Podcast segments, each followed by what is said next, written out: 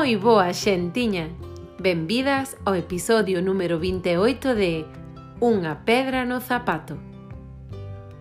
Outro día, durante un ensaio, escoitei como unhas compañeiras rían cando eu estaba facendo un monólogo no escenario e inmediatamente interpretei que se burlaban de min. Ao acabar, a directora díxome con certa presa que xa noutro momento me pasaría as notas do ensaio e inmediatamente interpretei que non lle gustaran as miñas propostas escénicas. Cheguei á casa totalmente devastada, pensando que non tiña demostrado a miña profesionalidade, talento e enxeño. Sentínme un completo fraude e tiven a sensación de que a miña directora e compañeiras mm, tiñan descoberto que eu non estaba ao nivel necesario. Despois de chorar un bocacho, Propúxenme anestesiarme.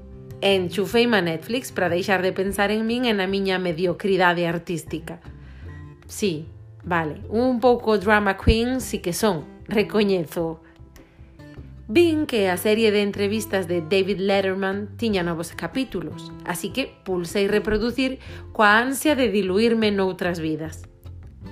A entrevistada era a increíble cantante e compositora Billie Eilish nun momento da conversa, ela falaba de que, cando sendo un adolescente recibiu sete premios Grammy, pensou que ditos premios non podían ser tan importantes e valiosos ellos estaban concedendo a ela.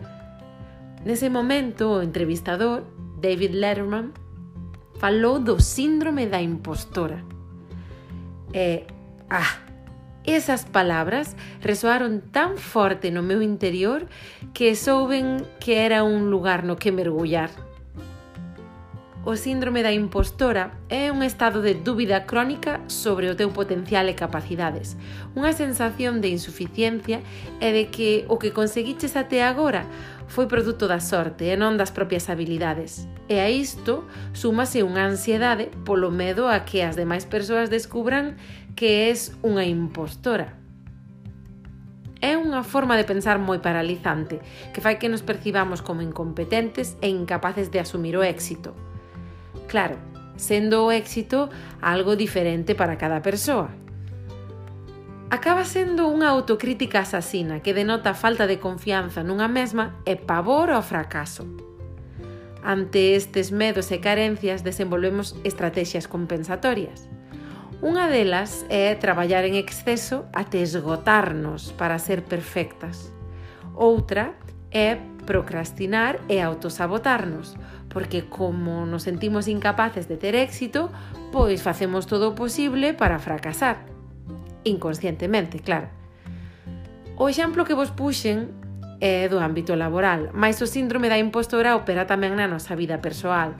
Moitas veces aborrecémonos a nós mesmas e ou ao noso corpo, polo que dubidamos de que as demais nos amen realmente e temos medo de que se decaten de que non estamos á altura e de que nos abandonen por iso. Así que inconscientemente facemos todo o posible para acelerar a separación e sabotar a relación. E danos vergonza falar disto. Claro, non é doado espetarlle a alguén, por moi próxima que sexa esta persoa. Sinto que estou enganando ao mundo. Sinto que non vallo. Sinto que non son abondo. As dinámicas familiares que vivimos durante a nosa crianza son fundamentais para comprender este síndrome da impostora as comparacións entre irmás, a presión das proxenitoras sobre as cativas, recibir críticas duras, indiferenza ou afecto condicional do tipo queremoste se consegues tal cousa. Ser etiquetada na túa familia como a intelixente, a hábil ou a torpe. Como nos falaron e o que nos dixeron tivo consecuencias brutais sobre como nos percibimos a nós mesmas e sobre como nos presentamos ao mundo. A nena sempre vai estar buscando a aprobación das proxenitoras e das persoas adultas do seu sistema de crianza, sexa familiar, social ou escolar. Así que calquera adulta que forma parte da súa vida impacta no sistema de crenzas e valores da pícara. A doutora Valerie Young publicou no 2011 un libro que se titulaba Os pensamentos secretos das mulleres exitosas – por que as persoas capaces sofren o síndrome da impostora e como prosperar a pesar del. Un título moi longo, asema de que preciso, xa que somos as mulleres o colectivo que máis o sofre. Esta autora elaborou unha categoría de comportamentos relacionados co síndrome da impostora e definiu cinco grupos de persoas. A perfeccionista ten altos niveis de autoexixencia que a levan a perseguir metas imposibles de alcanzar, o que lle provoca un desgaste mental e físico, unha gran frustración e dubidar dela mesma. Non acepta todo o que non sexa perfecto segundo os seus elevadísimos estándares.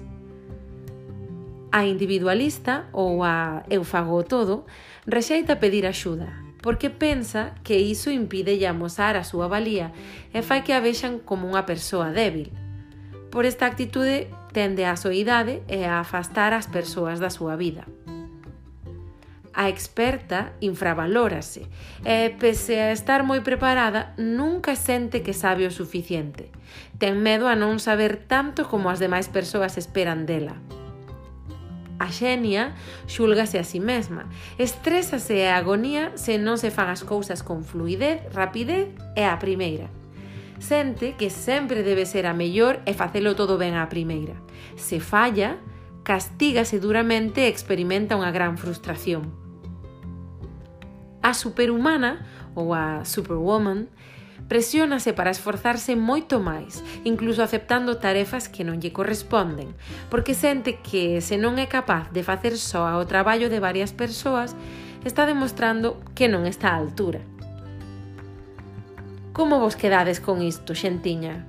¿Mm? Eu creo que me recoñezo nos cinco grupos.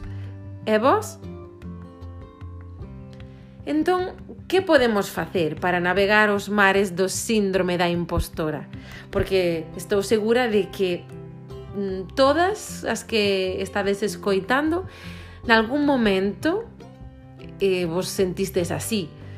É dicir, o síndrome da impostora está presente, atreveríame a dicir que en todas as persoas do mundo. Pois, que podemos facer? Para empezar, aprender a recoñecer e a celebrar os propios logros e as fortalezas persoais. E para iso pode axudar falar dos nosos éxitos con persoas de confianza do noso círculo afectivo, con unha terapeuta ou tamén podemos escribilos nun caderno ou nun diario. Inclusive, podemos agradecer fronte ao espello en voz alta algunha das nosas cualidades ou algún dos nosos fitos persoais, porque Cada día hai algo que agradecer na nosa experiencia vital. Por suposto, debemos coidar o noso diálogo interno, como nos falamos a nós mesmas, para que a autocrítica sexa amable, respectuosa e agarimosa, en vez de destrutiva, victimista e maltratadora. Igualmente, podemos abrazar os erros como parte da aprendizaxe da vida, en vez de convertelos en manchas no noso expediente. Algo a integrar é recoñecer que en moitas ocasións non podemos soas e atrevernos a pedir axuda.